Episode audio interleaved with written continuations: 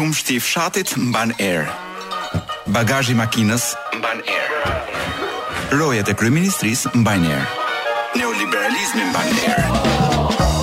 Festivalet mbajnë erë. Lakra e zier mban erë. Dosjet e komunizmit mbajnë erë. Plazhet e jugut mbajnë erë. Po ky është një mision? që nuk mban erë. Sot nuk është e hënë në Top Albania Radio. Nuk e di si ia bëre ti Blerina për të arritur uh, shëndoshë e mirë në këtë studio, po më rash andej nga parlamenti kishin Mirë, fikur dritat. Aty ishte shumë qejf në fakt. E kishin fikur dritat dhe jo në shenjë uh, zie. Aty thuhet mirë mbrëma duke futur gishtat në sy. Sonte, sot është fillimi i revolucionit. Ditë kombëtare. Nga sot është data, domethënë ora zyrtare e fillimit të revolucionit, ora 5. Po, jo, ka filluar që të shtunën.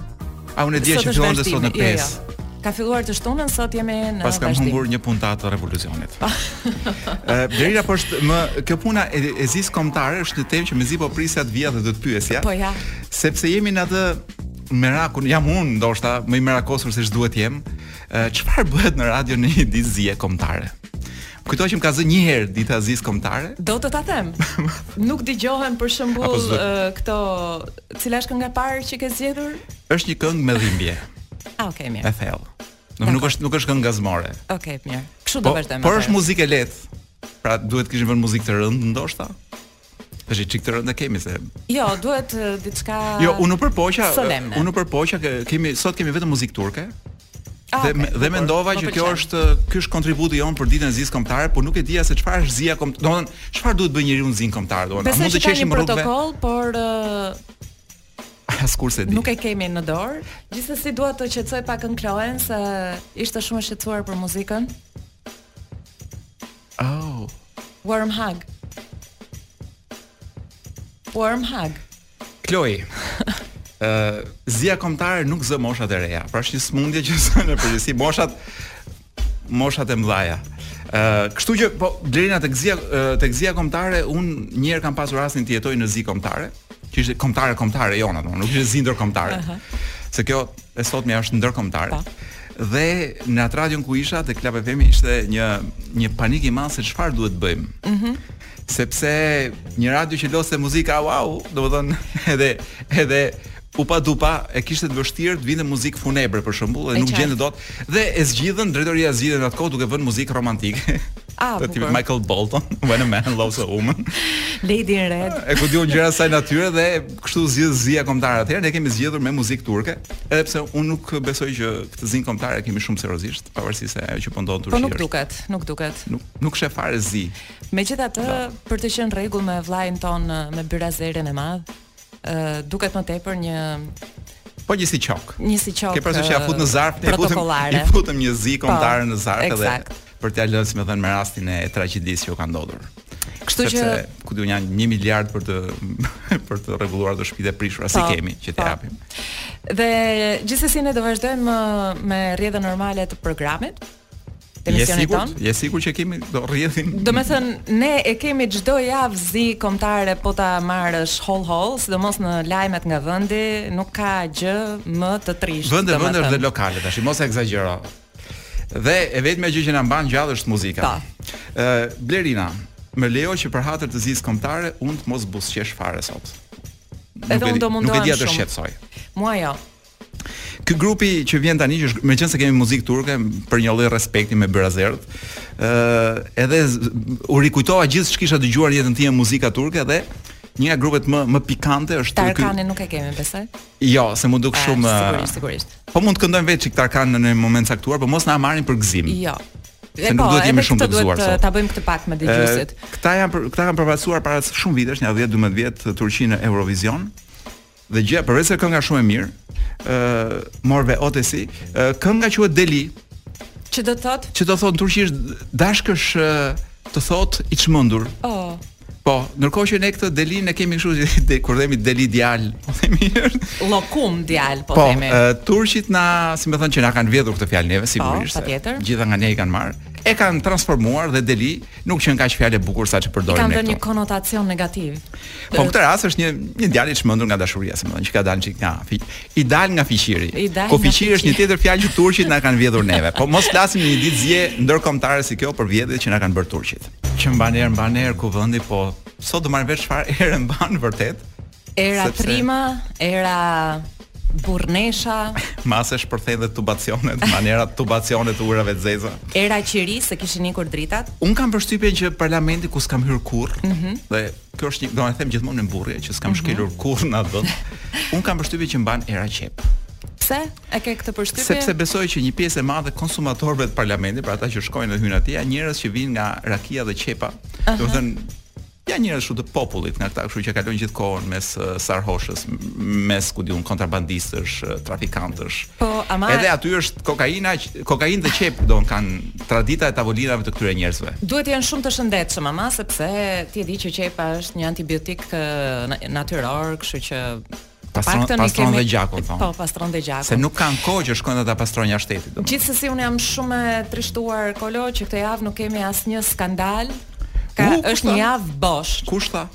Skandale po them përveç atyre 130 uh, afro 130 kile kanabis që janë kapur mes Shqipërisë dhe Igumenicës, po, asgjë tjetër skandal. Po, nuk janë skandale. Po, ky është ky quhet deficit tregtar. Okej. Ë Blerina, më lejo të të të tregoj ca gjëra që ne nuk i kemi parë, po kanë qenë dhe kanë ndodhur këtu. Kanë ndodhur. Po, përveç protestës, pra, më fal, përveç revolucionit. Okej. Ë i cili më vjen shumë keq, unë edhe puntatën e sotme më duket se e humba, por do të përpiqem ta kap nga puntata e tretë e tutje. Sa të merren vesh çik personazhe do kush e bën e kush do. Ata janë ata. Dhe jam shumë kurioz të di në fund të, të këtij seriali me revolucion kush do vritet në fund sepse revolucioni do një kokë, kështu që që pritet ta që varet ta. Po. Qoftë është revolucion serioz. Qoftë është show kot. Me na gënjy, kemi telenovela. Po. Kemi serinë e dytë. Përveç revolucionit kemi Elbasanin. Hmm. Gjimnazi pa ngrohje. Ja. Nxënësit blejnë reflektor. Mirë, këtë e kemi bërë që kur, domethënë, unë klasë të parë kam shku në 1991-shin, apo jo, 90-ën, edhe shkonim të gjithë me ngrofje ose dru me vete, ose reflektor, ose Aman Elbasan, Elbasan, studentët, nxënësit kanë propozuar që për shkak të situatës së vështirë të përdorin edhe mjete rrethanore të tipit përqafimi.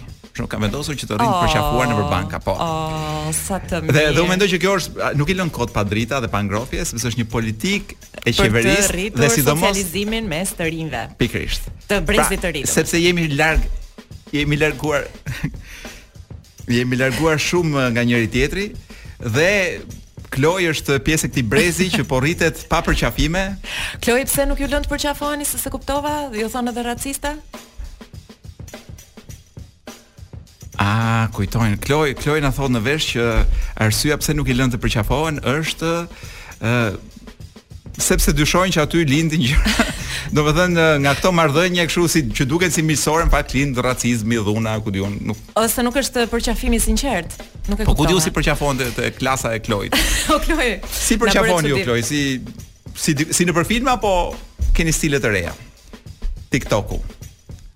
Si e pa po përqafime me lidhe shall, shalli dhe te te këmbët nuk quhen më përqafime, quhen sikur njëri ka ka lidhur tjetrin me pelena dhe po po e rrit. Kloj, atëherë tjetër lajm tjetër. U zgjidh kjo puna, u zgjidh, domethënë kanë zgjidhur të shkretë. Po shumë bukur, më pëlqen. Moti i acartë me temperatura të ulëta. Mhm. Mm gjeç gjeç ka bërë ky moti i acartë. Ë ky ka zhvilluar fantazinë. Jo, ky ka treguar se sa domethënë në sh, në ç'botë ë uh, do të gjej një term që mos dalim ke kloj dhe do na duke ajo dhe mos na akuzojnë për racizëm ose për ku di unë për për gjuhë urrejtjeje, për pak thashë në ç'vend me njerëz të çmendur jetojmë, po jo. Ja. Jo. Janë tharë pishat në lungomare. Dhe pyetja është po kush i mbolli dhe pse, domethënë pse duhet mbjellësh uh, Po mirë, mo, gjëra që thahen në në Durrës. Më kujtoj, më kujtoj që janë tharë edhe janë tharë edhe palmat. Po në Lungomaren e Durrësit ka qindra vite që nuk uh, thahen. Po mbill mo baobab aty, edhe lekët, domethënë edhe lekët i nxjerr, edhe bao. sa ta marrin vesh, ne ku e njohim baobabin ne, domethënë mund na du, mund të jetë i tharë dhe mund ne mund na duket si kokrra e mollës. Më duket, ç'të uh, them, domethënë pishat Po të ishin elbasanllie, do bënin si kalamajtë e Elbasanit përqafime gjëra. Do ishin përqafuar. Oh. Sa të kalojë acari, po këto të Vlorës. Lësho ndonjë tjetër kështu. Ë uh, Ushqimet. Ha. Jo prit, po i lë ushqimet për në fund se ishte interesante kjo. Është dëmtuar çatia e Memorialit të Skënderbeut në Lezhë. Ja. U restaurua vetëm 5 vite më parë nga Ministria e Kulturës. Po do dhe një grant tjetër ajo për ta rirestauruar. Po ç'e dinë këta Ministrinë e Kulturës. Mercedes e fabrikën e Mercedes Benzit që bën makina që reklamë, të lutem tani. Që bën makina që jetojnë nga nga 20 vjet, nga 10 vjet. Jo, Ministria e Kulturës e bën Unë propozoj të hapim T'i lëmë pa punë ata që restaurojnë. Tjetër që po, ta rregullojmë. Ë uh, kemi tentoi të kalonte 400 litra naftë të kontrabanduar. Asgjë. Kaloja këtë 130 kg drogë, 400 po, litra naftë. Është është si puna e etheve. Kanë qenë dikur ato ethet e ethet e thesareve dikur që shkonin njerëzit për kërkuar thesare, shkojnë akoma kështu, uh -huh. thesar i Ali Pashës gërmonin këtej domethënë bënë vrima vrima atë zonën andej domethënë prishën shtëpiat me shpresën që të gjejnë thesar poshtë. Tani na kanë kapur ethet e kontrabandës së naftës. Ç't'i bësh? Ushqimet Berina. Hajde. Ë po lexoj që paska një studim. Ëh. Mm -hmm. ushqimet Europa. Ëh. Mm -hmm. Bën blerje nisur nga kostot. Çi? Ë shqiptarët udhëhiqen nga shija në blerje. Oh, sa. Është një studim i një gjëje që quhet Future of Food. Ëh. Uh -huh. Unë nuk e nuk e kam informacionin se kush e ka bërë, po le të themi që meqense është botuar te politika është përkthyer ku di unë si më. Po. Le Mm, e konsiderojmë e konsiderojmë lajm serioz, po. Ë studimi është marrë me vendet në zhvillim të Europës, e tregon që 37% e popullsisë shqiptare dhe 36 e popullsisë e përqendrim popullsisë Kosovë, kur shkojnë për të blerë, nuk duan të dinë sa kushton. Duan të dinë, a më pëlqen a s'më pëlqen, çfarë shije ka. Po. Dhe dhe kur themi shije, Nuk ka rëndësi e mirë apo e keqe. Rëndësi ka marka pra. Po nuk ishin domate Dolce Gabbana, nuk ta blen ah. njeri. Ë nuk e di, unë mendoj që duke njohur pak a shumë po, me popullin tonë, po. ku edhe kemi lerë. Ëh. Mhm. Uh -huh. Sa herë që bien në në duar sondazhistësh, uh mhm. -huh. kanë tendencë që të gënjejnë. Pra duan të duken bukur. Dikush dikush do dijë, bëj një studim, do dijë, bëj një sondazh, do dijë, stati, do ndërtojë statistika, do dijë ç'po ndodh. Unë mendoj që ne duam të gjejmë përgjigjen e saktë. Është kështu. Mos më bëj të qesh në një ditë zie kombëtare ah, të lutem shumë. Harrova. Megjithëse nuk na ka ardhur një email nga AMA që të na thotë se ç'duhet të bëjmë, po unë kam vendosur vetë që të mos qesh. Okej. Okay. Dhe më më shqetëson që vende të tjera që janë shumë më të pasura se ne, uh -huh. janë kur shkojnë për të blerë, uh -huh. kryesisht nisen nga kostot. Po. Dhe sa më të pasur bën një prap bën një balancim kosto me shije.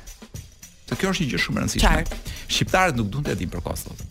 Ne shqiptarët jemi kështu. Pra, sa më i varfër ti je, domethënë, është si puna e asaj dhisë.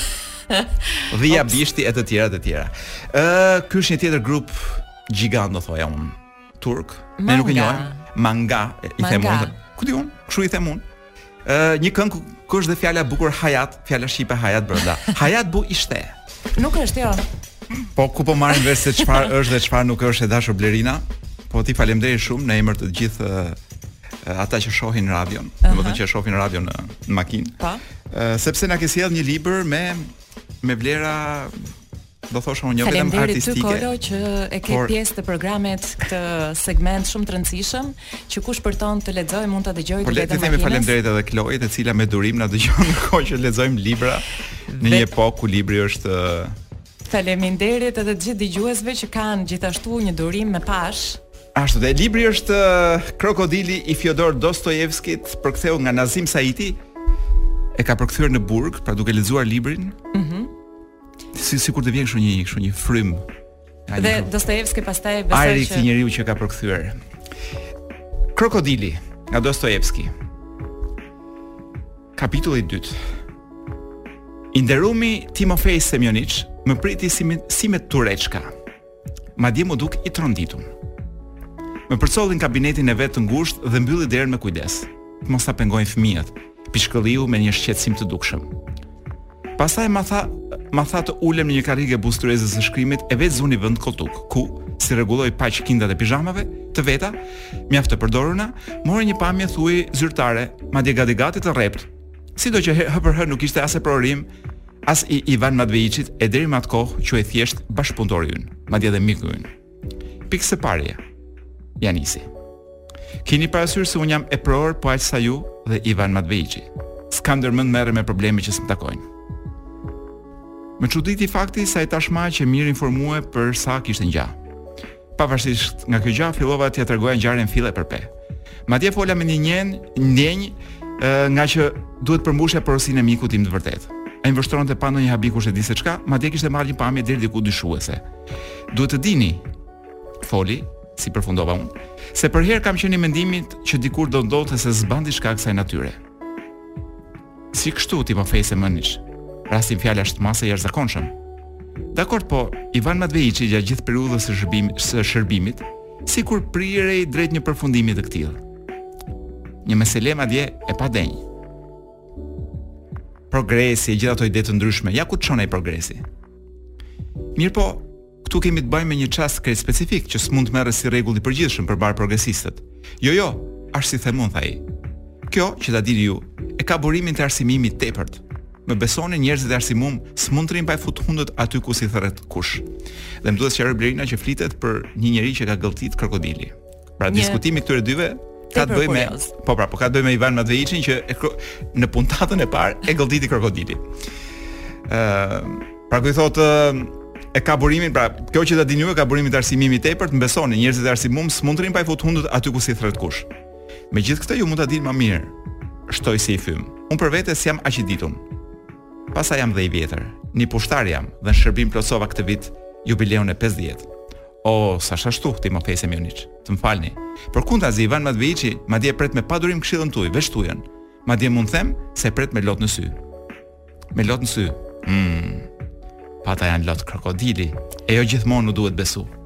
Po ç'e shtyni, bi fjala, të marrë vendimin me u nis jashtë shtetit. Me paret e kujt? Se të ardhuna nuk ka. Me kursime, Timofej Semjoniç, Me shpërblimet e fundit, thash përvujshëm. Veç tre muj donte të rrinte, në Zvicër, n'atdheun e Wilhelm Telit. Wilhelm Telit, a? Mm. Donte të priste të pranverën në Napoli. Të shihte muzeumet, zakonet, kafshët. Mm, kafshët. Për mendimin tim, veç nga kibra. Ç'kafshë, mor, ç'kafshë. Pak ka tek ne kafshë? Kemi egërsina, muzeume, deve.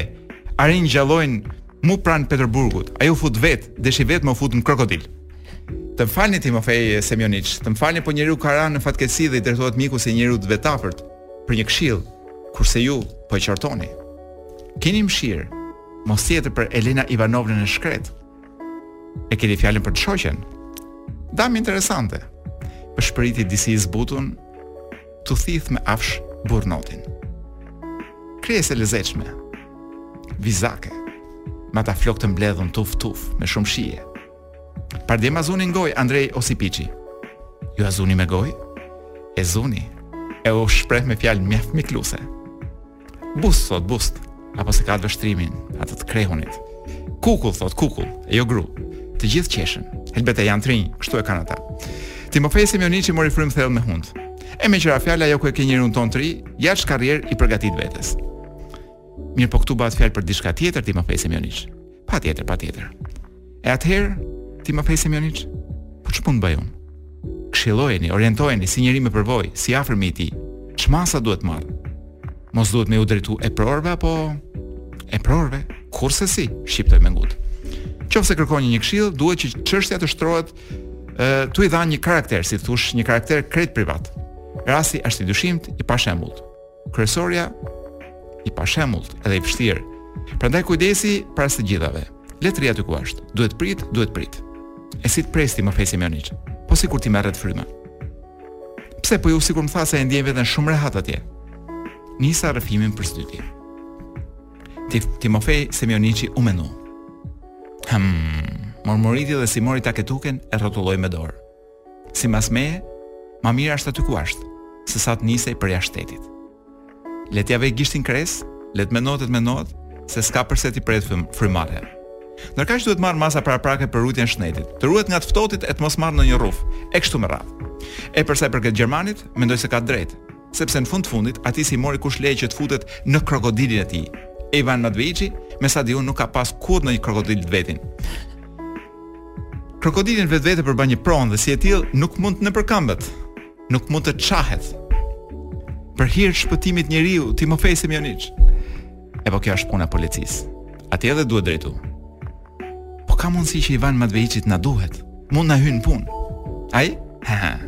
Pastaj ai konsiderohet me pushime. Pra hë për hë s'ka pse nguteni. Le të argëtohet me pamjet e viseve europiane.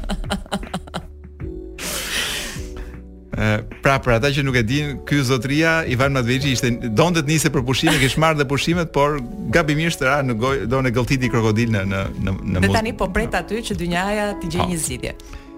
Ëh, ku e lam? Po. Ëh, ndryshon, pra le të argëtohet me pamjet e viseve europiane. Ndryshon puna në qoftë se ai nuk do të paraqitet në zyrë në afatin e caktuar. Atëherë domosdo, edhe mund të interesohemi e të marrim ndonjë farë mase.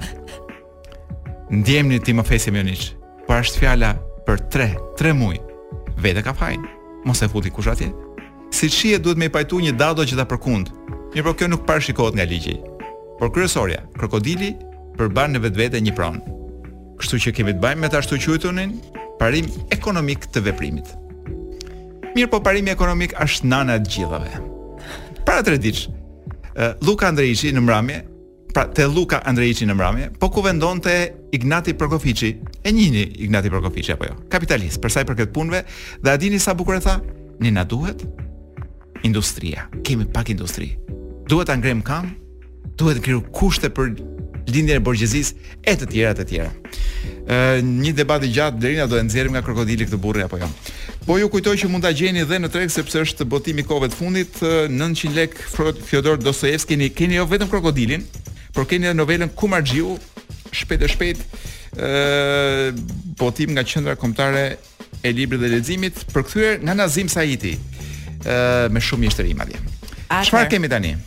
Një këngë kështu që të rrish kështu në atmosferë librash. Kjo paska një titull shumë kjo është, të gjatë. Kjo vajza, titulli është i gjatë, po vajza vetë quhet Nil Kara Karaibrahimgil. Ë uh, Kanatlarım. Është një është një është një vajzë shumë trendi nga këto Istanbul nga këto stambollitet uh, interesante që i kompozon këngët oh, këngët vetë. Dhe shumë moderne, nuk është shumë nga këto turqizmat e telenovelave tona. Se si vjen kjo Nili? E ëmbël shumë vinte. Po, ka një lloj kështu. Një turkeshë e vërtetë. Dikur turkeshë ka qenë një term për për të bërë një kompliment. Vjen si turkeshë. Po sigurisht. Siç themi ne sot për shembull, e mirë shumë si italiane, vetëm si shqiptare nuk themi. Ke vënë re. Nejse. Mbase e thonë turqit. Kur i thonë njerëz që nga si shqiptarë që nga. Sa më kujtua pa lidhje, po më kujtua një batutë që në në kohën e 97-ës që ndodhën gjërat ato gjëra që ndodhën kështu dhe ikën njerëzit ku di unë. Kur ti filloi edhe një lloj prostitucioni i pafajshëm që rrëmbenin vajza këtej dhe çonin në Itali ku di unë. Dhe ishte një thënje në në në rrethinat e komunës së Brindisit e tipit o, o korçar, o hiç fare, o hiç fare. Ishte, domethënë, dua të them që pse aty ka gjenezën ajo shprehja, se e di që e dëgjova para disa ditësh në rrugë duke ecur dhe ishin disa djem rreth 20 vjeç që ia thoshte njëri-tjetrit. Jo, nuk e di. Jo, ajo shprehje është çik më është çik më e lashtë, po kur e mësuan dhe brindizianët. Brindiziotët. Por, por e kishin për, si më thon, për okay, për për po e kishin për këto korçarë që dërgonim po, ne andej. Në 97-ën. Tani. Tani Blerina do të jemi në një pikë delikate. Delikate shumë. Që vjen ai Do vinte kjo ditë. Vjen 14-a që është nesër, edhe janë gjithë, domethënë kemi dy kategori njerëzish të tmerruar. Unë në fakt do kisha dashur që përpara se të flisnim për 14-ën, ne të flisnim për 13-ën, po, që është një ditë më se e shënuar. Po, është dita ndërkombëtare e radios. Përveç se dita ndërkombëtare e radios është edhe një ditë tjetër, po meqense radha e rubrikave tona është e tillë, më bie që ta them tek tek rubrika tjetër. Mirë. Nëse është urgjente e themi tani. Jo, jo, nuk është urgjente. Duhet ta marrim shtruar madje. Ë, jam pak i shqetësuar për dy kategori shumë të shqetësuara njerëzish. Ë, që janë. Aha. Vajzat. Po. Kryesisht vajzat e reja të cilat presin në përgjithësi një dhuratë. Po. Dhe ajo është dhe e kuptojnë që ai mund të ketë ca siklete dhe ekonomike po, në ca raste, domethënë në një vend si Shqipëria. Po nuk është të thënë që të jetë patjetër ekonomike dhurata. Por problemi është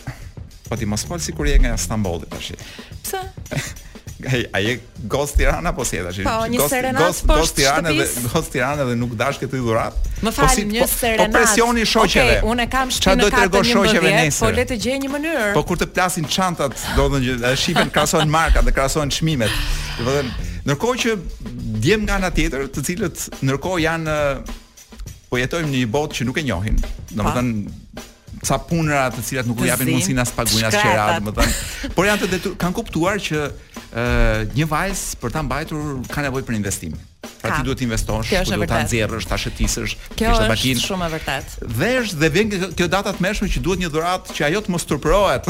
Me shoqet. Po, të gjithë shoqet do thonë që ça legen që paska këtë që s'i ka bërë dhuratë dhe s'ka as një makinë. Dhe janë krijuar dy dy grupe shumë të mëdha, shumë të stresuara, që unë shpresoja që revolucioni i sotëm ta zgjidhte këtë punë, por me sa duket nuk do ta zgjidhë për momentin. Po shpresoj që një ditë kjo të zgjidhet dhe zgjidhet vetëm me revolucion. Sepse çfarë është Shën Valentini në fund fundit përveç se ka një histori legjendë që nuk do ta themi jo, se jo, po, rrëfehet po, në jo, çdo ekran dhe jo, në çdo program. Jo, dua të them që thelbi i vërtetë i Shën Valentinit është ky. Dashuria pra? Jo. A e peshon dot tjetrin në flori apo jo? Kjo është dita kur thuhet sa je gati të hedhësh ti për për këtë zonjushën apo dhe zonjën që e ke marrë në shtëpi ose zonjushën që do ta marrësh në shtëpi. Ë, kërce. Edhe kërcen prifti nga belaja. Në dritë të kësaj. Ku prifti është ai çuni i ri. Që thamë, ne do të japim disa këshilla që tashti po më ngjajnë edhe shumë po. naive. Për Shën Valentin. Pas kësaj që tham, ë uh, Kolo Kolo do të thot do të jap pesë këshilla se çfarë nuk duhet të dhurojnë vajzat, megjithëse unë nuk di që vajzat të dhurojnë për Shën Valentin. Unë nuk njoh asnjë shoqën time që ka bërë një dhuratë për Shën Valentin. Nuk njoh asnjërën që ka marrë një një dhuratë për Shën Valentin të them të drejtën.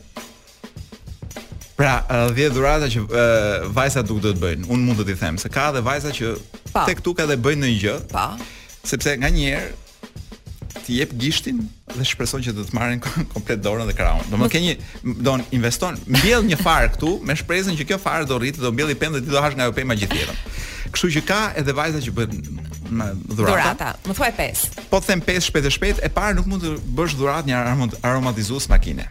Okej, një Jo, Arbre Magique. sidomos kur ai nuk ka makinë, është ide. Ë nuk mund t'i dhurosh një prefse lapsash ose prefse thonjsh, o, në përgjithësi çfarëdo lloj prefseje, nuk është gjë e mirë për dhuratë. Po pse? Po ky i ha thonjtë.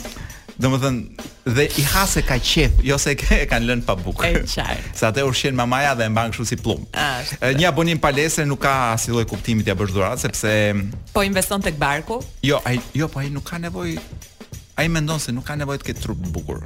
Po, dhe ajo ashtu mendon në fakt. Ai mendon që ka nevojë për një makinë të bukur, por për sa kohë që ti nuk ke plan të dhurosh një makinë të bukur, mos u lodh me atë abonimin. Dakor jam. Ë, pastaj gjërat e tij, ti mendon nganjëherë që i duhet gjë praktike, jo t'i jap një brez për të mbajtur kaçavidat. Ne nuk kemi nevojë për breza dhe për çanta, meshkujt i fusin të gjitha nëpër xhepa. Për sa kohë Levis-i të bëj të bëj xhepa ke xhinset, ne çdo gjë do e fusim në xhep. Dakor. Që ta dish dhe ti dhe shoqet e tua Berin Artë dhe.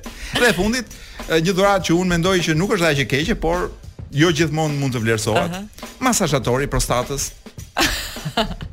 dhe ai nuk ofendohet se nuk, domethënë nuk ofendohet se ç'është kjo dhuratë. Po thjesht kam idenë që nuk di ta përdori.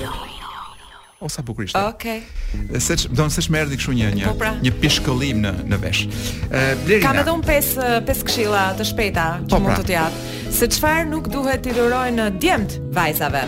E para është parfum, një parfum që është ë një dhuratë shumë klishe që vjen në çdo fest, për vit të ri, për Shën Valentin, për uh, ditëlindje dhe sidomos nëse është bler në një dyqan me emër frëngjisht, Le Petit Paris, Le Johnson Fer e të tjerë. E dyta nuk duhet të dhuroni djem të dashur çokollata në formë zemre, lepuri apo gjenitalesh.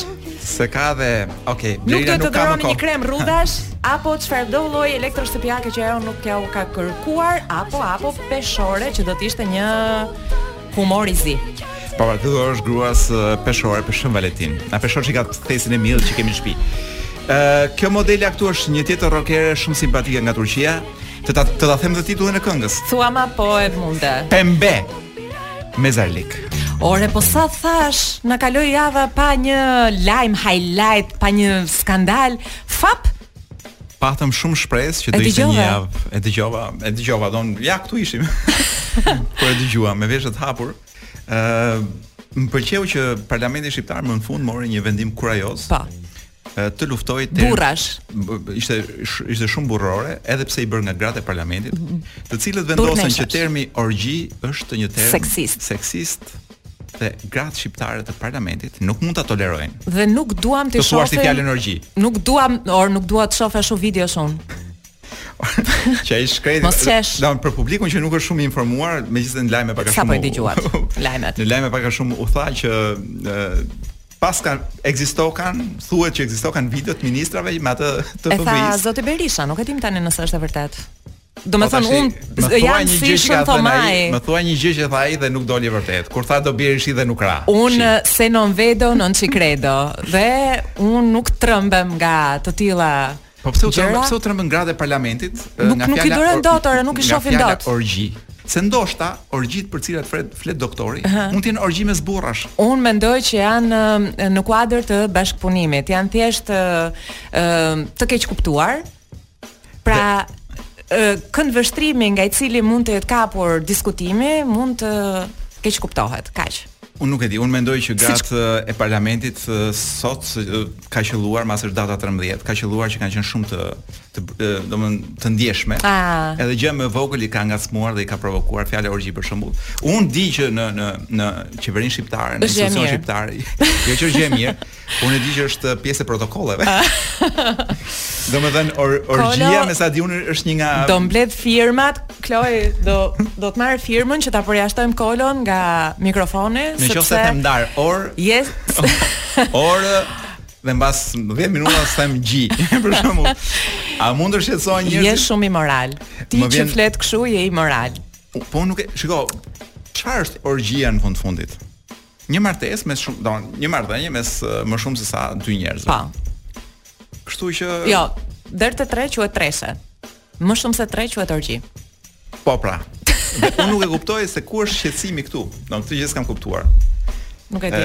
Megjithatë, unë them që duhet të isha grua dhe të isha grua deputete, sepse janë të njëjtat gra që kur bëhej fushata kujtohet para një dy vjetësh që kryeministri ça nuk tha, domethënë, e lëshoi gojën në një mënyrë që Fjala orgji dukej kështu si llokum para gjërave të tjera dhe nuk e kuptoj pse nuk u shqetësuan atëherë. E di ti atë mallkimin e nënës që nuk nuk të zë?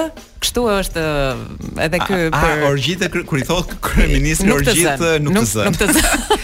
Kurse ky e ka mallkim Izraeli kur kur e thotë ky të zë. Po.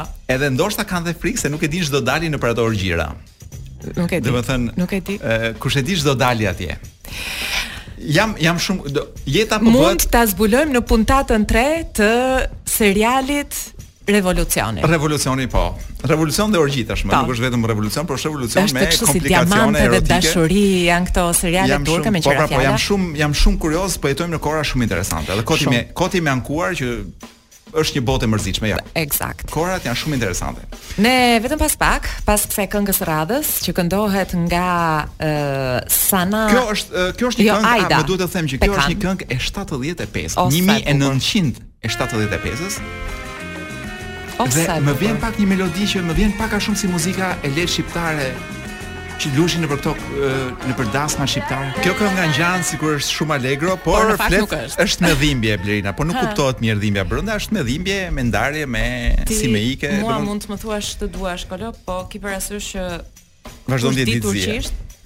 Dhe kjo dita e zisë se kemi se jam gjithmonë i paqartë meqenëse nuk ka një rregullore për ditën e zisë. Dita e zisë është gjatë ditës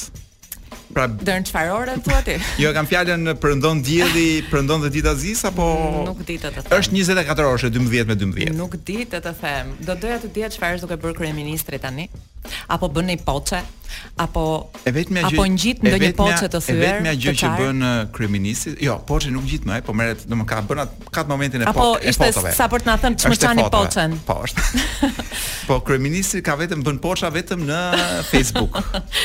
Pra, i vetmja e vetmja punë e, e këtij kryeministri Aha. është që të rrijë në Facebook dhe dhe dhe të shahet me njerëz se kam lexuar edhe mesazhe që më kanë treguar mm -hmm. dhe të shahet me njerëz në WhatsApp dhe nuk besoj se po kalojmë jashtë teme, jo, do të po kalojmë komplet jashtë teme. Uh -huh. Nuk besoj që kryeministri i Shqipërisë merrej me një njeri, ça nuk ka, që kishte një lloj pozite në një iks me një iks person dhe i shkruante çarçaf të gjatë në WhatsApp.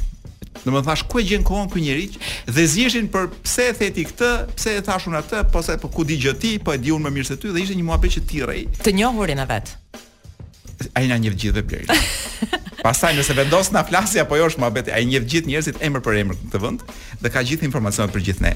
Por do të them që është një kryeministër që merret vetëm me pallavra në kuptimin e mirë të fjalës. E qartë, e kuptova. Pra vetëm merret me komunikim. Dhe çdo gjë tjetër bëhet vetë në këtë vend. Pra gjithçka ndodh vetvetiu. Barrakja do në karroca ecën vetvetiu. Bukur. Ku do shkojmë? Mban edhe ndonjë poçë her pas here. Tani un kam uh, dy lajme të mira. Domethën, kam një lajm të mirë dhe një lajm shumë të mirë. Jam gati për për këtë shumë të mirë, nuk di a mbaj dot. Kështu që un po e nis lajmin mirë. E cekëm pak më përpara. Në fakt sot është data 13 dhe në botë festohet dita e radios dhe unë në fakt jam shumë e lumtur që jam këtu përballë teje në këtë mikrofon që na zuri në radio edhe jam shumë e lumtur që radio në shekullin e imazhit i reziston të gjithë të gjitha sfidave me dinjitet fjala dhe mendimi vazhdon. Unë po mendoja në mënyrë më praktike. Domethënë po. thash sa bukur që dita e radios na zuri në radio. Po. Sa keq do ishte që dita ndërkombëtare e tërmeteve të zërë në tërmet për shembull ose dita ndërkombëtare e tsunameve të zërë në tsunam ku di un, ose ditëlindja e kryeministrit të zërë me kryeministrin, pra janë, janë drama që nuk do i mbanin dot, po dita radios do të gjejnë radion duket diçka. Tani,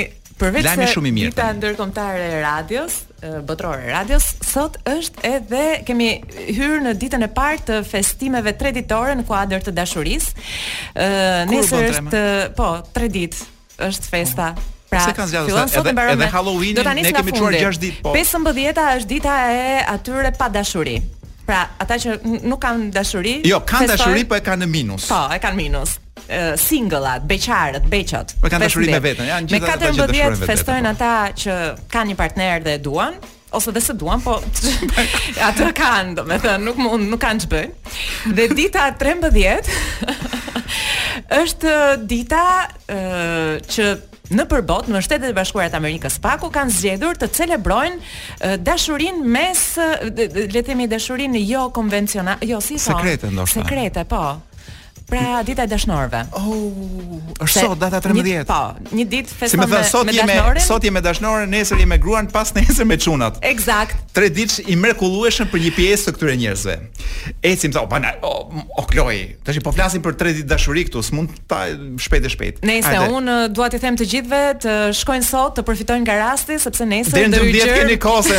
Do t'ju gjejë me gratë dhe burrat tuaj, ç'do bëni. Kjo zonja Sezen Aksu është nuk di si ta shpreh Blerina. Hmm. Të them me Irma me fjalë të thjeshta. Jo, jo, do të nuk e di ç'krahasim të bëj, ndoshta mund të them Irma Libohova e Turqisë. Ah, bukur e ke gjetur.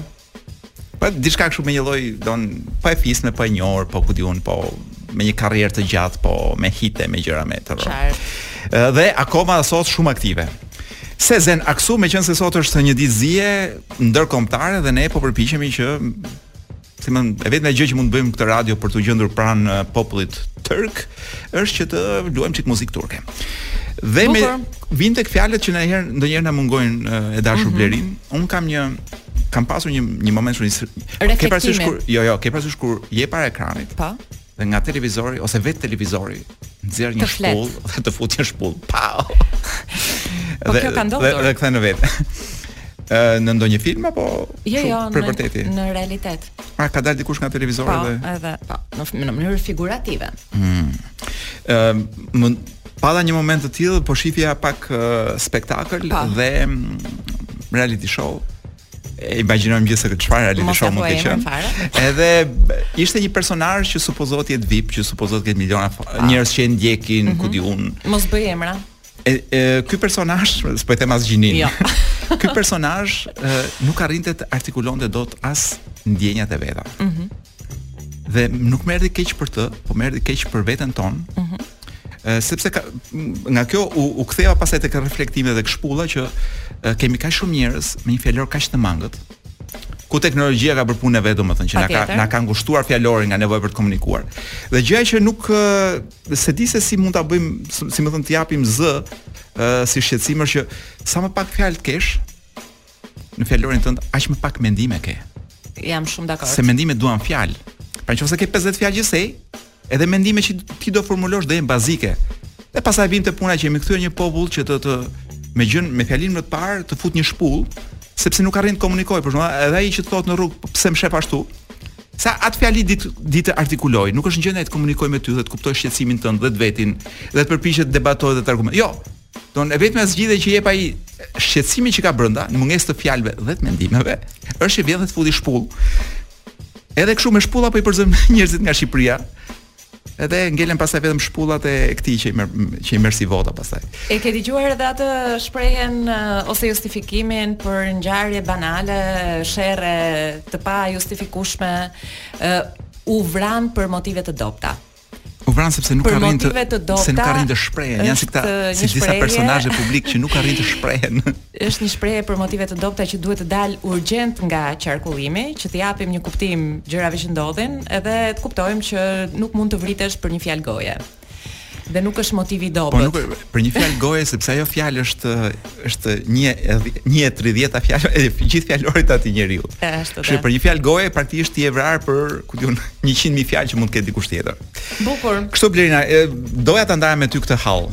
Faleminderit shumë që më zgjodhe pikërisht mua nga të gjithë ata që janë duke na dëgjuar në këtë moment edhe që zgjodhe pikërisht veshët e mi. Un dua të të ftoj në një po. në një Kloj sa kohë kemi? Kemi mundësi të zhytemi në sa? Mund të kalojmë një këngë përpara dhe pastaj të zhytemi? Jo, un po them vetëm, kemi këto lajmet, po janë shumë për 2 minuta që na jep Kloj. Pikërisht pra, se do të na ngelen uh, pa thënë dhe disa janë vërtet që kemi nevojë të ndalemi. Mund të themi, mund të themi vetëm njëri nga lajmet e mia, që është përqafimi i gazetares së BBC-s me Zelenskin. Hë. Në ishte në atë vizitën e shkurtër në Angli, një konferencë shtypi. Ba orgji. Orgji, mos e vazhdo. Zelenski u përjashtua nga Anglia, fjala orgji.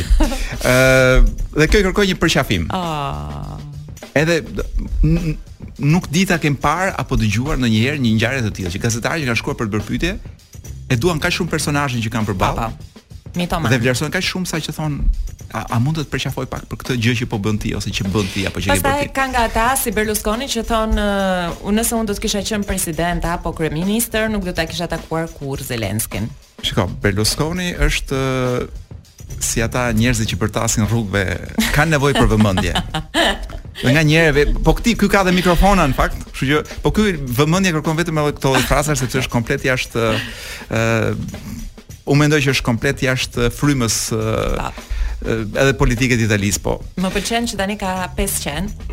Po mund të ketë. Kjo gazetarja përqafoi uh -huh. këtë dhe aty m'u kujtuan këta studentë, këta nxënësit e Elbasanit. Oh. Dhe thash, ja dhe dy njerëz që që përqafon, që për jo këta këta dy në kjo gazetarja përqafon nga kënaqësia, jo se ka ftohtë domethënë. Pra, përqafimet mund të jenë jo me domos të detyruar nga të ftohtët.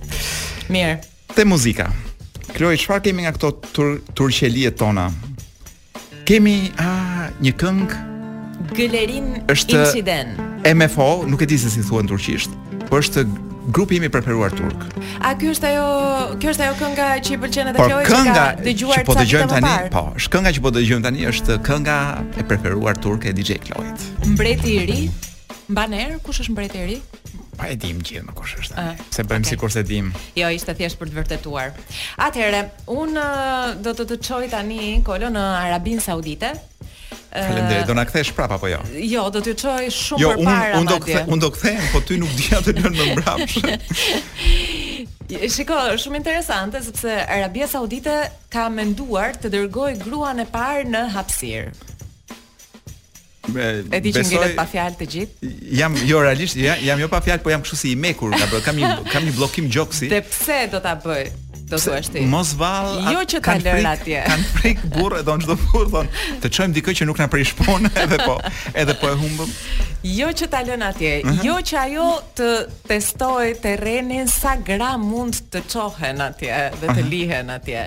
Por për të treguar se sa të emancipuar janë dhe për ta shkundur nga qyrku atë, le të themi pluhurin e patriarkalizmit. Po. Është më vjen shumë mirë, po sikur për shembull sikur t'i linin gratë dhe të votonin njëçikë. Të pak hundën. Për shembull të shkonin nga deri në dyqan për të blerë diçka pa pasur nevojë, pa pasur nevojë, jo vetëm po. Për eskorta. Eskort dhe eskort me dokument që ky është o burri o vëllai se ndryshe Më vjen shumë mirë gjithsesi, ajo gruaja po të ketë mend në kokë, nuk vjen më. Ose vendos që të aterrojë diku tjetër, jo jo më në Arabinë Saudite. Jam shumë e lumtur për këtë gjë. Por gjetja është tipike Edi Ramiste kjo, do ky si marketing po themi gruas para. Është po. interesante. Ndërkohë, ë nga një tjetër kënd i botës, më vjen një tjetër lajm shumë interesant nga India kësaj radhe, ku është zhdukur, është zhdukur një tonelatë uh, marijuanë që sapo kishte konfiskuar policia. Dhe do thua ti ç'u bë, ke tre alternativa. Një mund ta djeg direkte. Ajo nuk e djeg dot. Sepse un kam një lajm, jemi të, un kam një lajm tjetër që janë 3.5 ton kokainë që gjenden duke pluskuar në oqeanin paqësor dhe po ti e paske marijuana. Unë kam më të bukur. Sepse di kush e zhduku? Jo, e kanë ngrënë minjtë. Mos më thuaj. Pra kur erdhi momenti. Pra minjtë, minjtë rave party në Indi. Ose kështu tha policia. I hëngri miu. Policia deklaroi. Po mirë, më fal, marijuana ishte, minjtë besoj e duan për terapi, domethënë. për të luftuar kancerin e minjve. Nuk e di, tumoret. por do të kemi mundësinë ta zbulojmë mbas nja 20 vjetësh këtë gjë që ndodhi dhe çfarë menduan minjtë sepse mendohet që mbas 20 vjetësh ashtu sikurse kemi Google Translate-in që na përkthen në një gjuhë në një tjetër, do të kemi një platformë ose një aplikacion që do të na përkthejë nga humanishtja në kafshërisht. Pra do të do të bëjë të mundur lidhjen një urë komunikimi midis njeriut dhe kafshës në uh, disa zhanre të ndryshme. Më fal, po ndërmjet njeriut dhe taksixhiut, ka një formë do do, do dali ndonjë aplikacion përkthimi sepse unë vuaj shumë për t'u marrë vesh uh, në përgjithësi me taksixhinjtë. Për shembull, për shembull mos ma fut, mos e fut makinën në gropa. Aha. dhe ai kap gjithë gropat e rrugës thotë në fakt ose Dhe sigurisht fajtori nuk është ai, po. I taksixhiut. Është sigurisht, po kur njeriu thotë mos më fut në gropa se kam fobi nga gropat. Pastaj varet kujt i thua ti grop. Këtu e dashur Blerina, ah. un them fjalën orgji dhe e mbyllim këtë muhabet, domethënë sepse nuk është një bisedë që nuk ia dalim dot me argument më. Unë të them seksist prap. Kam dhënë ca lajme të të Jepi. Botërore. Shpret. Nuk di ç'të them nga tani, nga qukapikët, po ti me atë të minjve, ëm, se qukapikët, se që mos e bëjmë kështu kopsht zoologjik komplet, domethënë. Po paskan mbledhur kanë gjetur një shtëpi bosh në Kaliforni dhe mblidh ata, mblidh mbani zahiret e tyre për dimër dhe vetëm kur janë kthyer pronarët dhe kanë gjetur 300 kg lajthi. Ëh. Uh -huh. Të mbledhura nga qukapikët dhe të ruajtura atje. Ë uh, janë këto 3.5 ton kokainë e gjetur që pluskonte në oqeanin paqësor dhe më duket në këtë rast nuk mund themi që peshqit ishin aq të zgjuar sa ata minjtë që the ti. Ëh. Uh -huh. Ë uh, dhe kemi Një lajm tjetër prapë me kaktuse. Po. Që tashmë në malet e Zvicrës ë kanë filluar të mbijnë kaktuse. Ah, sa mirë. Pra aty ku dikur mbinte vetëm Hajdi, Ah, tani sa mbijnë mirë. kaktuset dhe kemi një gjë për cilën doja të flisja gjatë, Po. po ndoshta nuk e di a do kemi kohë. Është shpikur një kokërr vibruese Çfarë thua? Një kokërr. Të denoncoj. Imoral. Është kundër kapsllëkut. Seksist. Po e zgjidh kapsllëkun me vibrim. Është. Pse dhe vibracionet është mirë përveç. Është një problem anal. Doni ta hiqni në analet e politikës shqiptare, ë ky problem del për herë të parë. Kapsllëku, ne vetëm kapsllëk në politikë s'kemi pasur kurrë. Është një pilul, është një pilul e cila tashmë është në treg mhm. dhe zgjidh kapsllëkun. Po njëkohësisht të bën edhe kështu të njofton kur të vijë mesazhe që se është vibruese siç po lexojmë këtu. E qartë, e kuptova. Dhe s'e kuptoj, ne kemi pasur shumë gjëra vibruese, nuk e di pse duhet të vinte një kapsulë për ta zgjidhur këtë hall. Teknologjia ka pra, përparuar kaq shumë. Gjërat që vibrojnë të zgjidhin kapsullën. Ndërkohë që uh, lumturinë nuk ta zgjidh uh, paraja, këtë e dinim, po Pra nuk e zgjidh me para, po e zgjidh me shumë para. Kjo është eksakt. Jo. Logjika jonë. Ë Më bëri shumë habi ky lajm që sapo lexova Kolo që një vajzë 27 vjeçare finlandeze, e cila kishte fituar një lotari 10 vite më parë, ka pasur një 10 vjeçar ferri sepse megjithëse ka fituar një shumë të jashtëzakonshme parash, ëm nuk ka lënë studio televizive dhe intervistë pa dhënë xhevap se si është ndjerë, se çfarë ka bërë me parat. Pra në këtë 10 vjeçar ajo ka jetuar vetëm në, në ekrane. Dhe mua në fakt mu largua shpejt vëmendja nga kjo vajzë, po isha duke menduar si nuk njoh unë askënd që të ketë fituar për shembull një telebingo.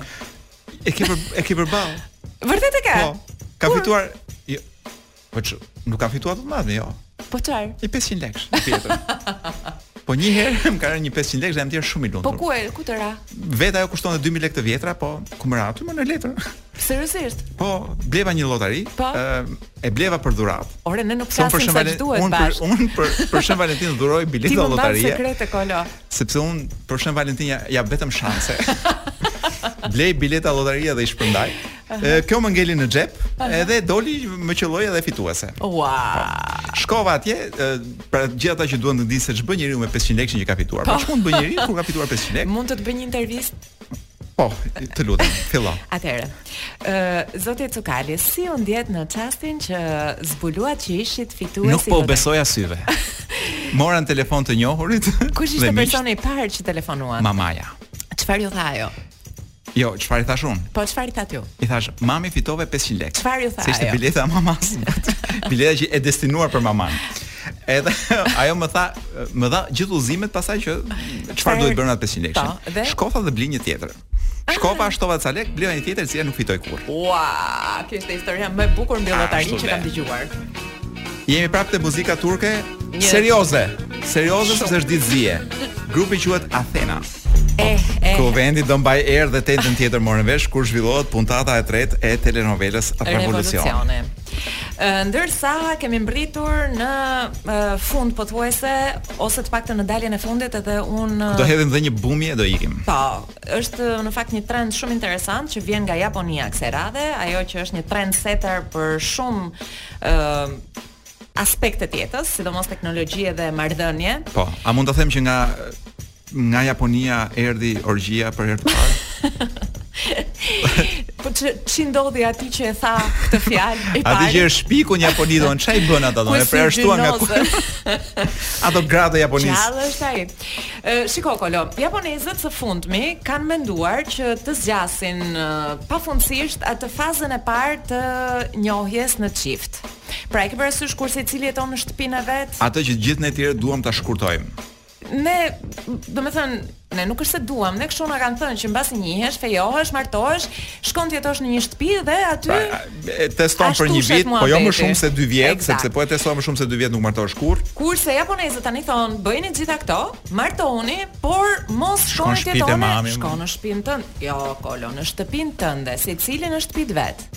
Pra, pra një martesë gruaja në shtëpi të vet, burri në shtëpi të vet, edhe kështu do të jetoni të lumtur për të gjithë jetën tuaj. Për të zgjatur lumturinë. Dhe mua më pëlqen shumë dhe sidomos më pëlqen shumë fakti që sa më shumë duan të na afrojnë, aq më shumë alergji na jep njëri-tjetri. Edhe aq më shumë duam t'i reduktojmë kontaktet brenda çiftit. Dhe nuk e kuptoj pse duhet të vazhdojmë të konsiderojmë ë një çift. Po pra, paktën ta zgjatim si çift, sepse çiftet moderne dashur Blerina e kanë çik problem konsumizmin. Po. Pra është njeriu dhe thot, nuk e them se s'do të bëj kështu, njeriu që citon, po e thot dikush që unë e vlerësoj po. shumë, don, si shkrimtar. Po, e don shumë. Dhe thoshte që dashuria ka një problem që ë konsumohet. Jo, konsumo, do të hajë vetveten. Po. Ata njerëzit han vetveten. Po. Dhe jo vetëm han vetveten, por në fakt krijojnë një grop në shoqëri. Pra ky ky konsumimi i madh dhe japonezët diçka din nga kjo gjë. Prandaj thonë që mënyra më e mirë ndoshta për të mos u konsumuar është kjo që konsumo ha nga pak. Ha nga pak që të hash gjatë. Po pse duhet të martohen, nuk e kuptoj. Tani martesa Pse duhet të mbetemi të lidhur kaq fort mbas kësaj gjëje? Martesa është më tepër një formë që i bën kalamajt të ndjehen sikur ah, kanë dy, dy prindër, po. Kur të lindi fëmija apo nënës? Po fëmija në shtëpi të tretë me ty. Çka kujtove ti? po sigurisht më nga shpisë si ja tham pra që mos e mërzisim njëri tjetrin. nuk e di, nuk e di se si do ja bëjmë. Unë mendoj që problemet më të mëdha në martesë, me çka kam dëgjuar mm -hmm. nga mhm. tjerët se po. ne s'jemi nga ata që kanë probleme. Po. Ë problemet më të mëdha vikan nga të qëndruarit në shtëpi me tepri. Për shembull, kur ti vjen një moment kur ti shef dhe si lan dhëmbët. I merr vesh gjithë zakonet dhe nuk ka asnjë lloj kurioziteti më. Kur të thotë, nuk e di si vëlla motra e kujtun.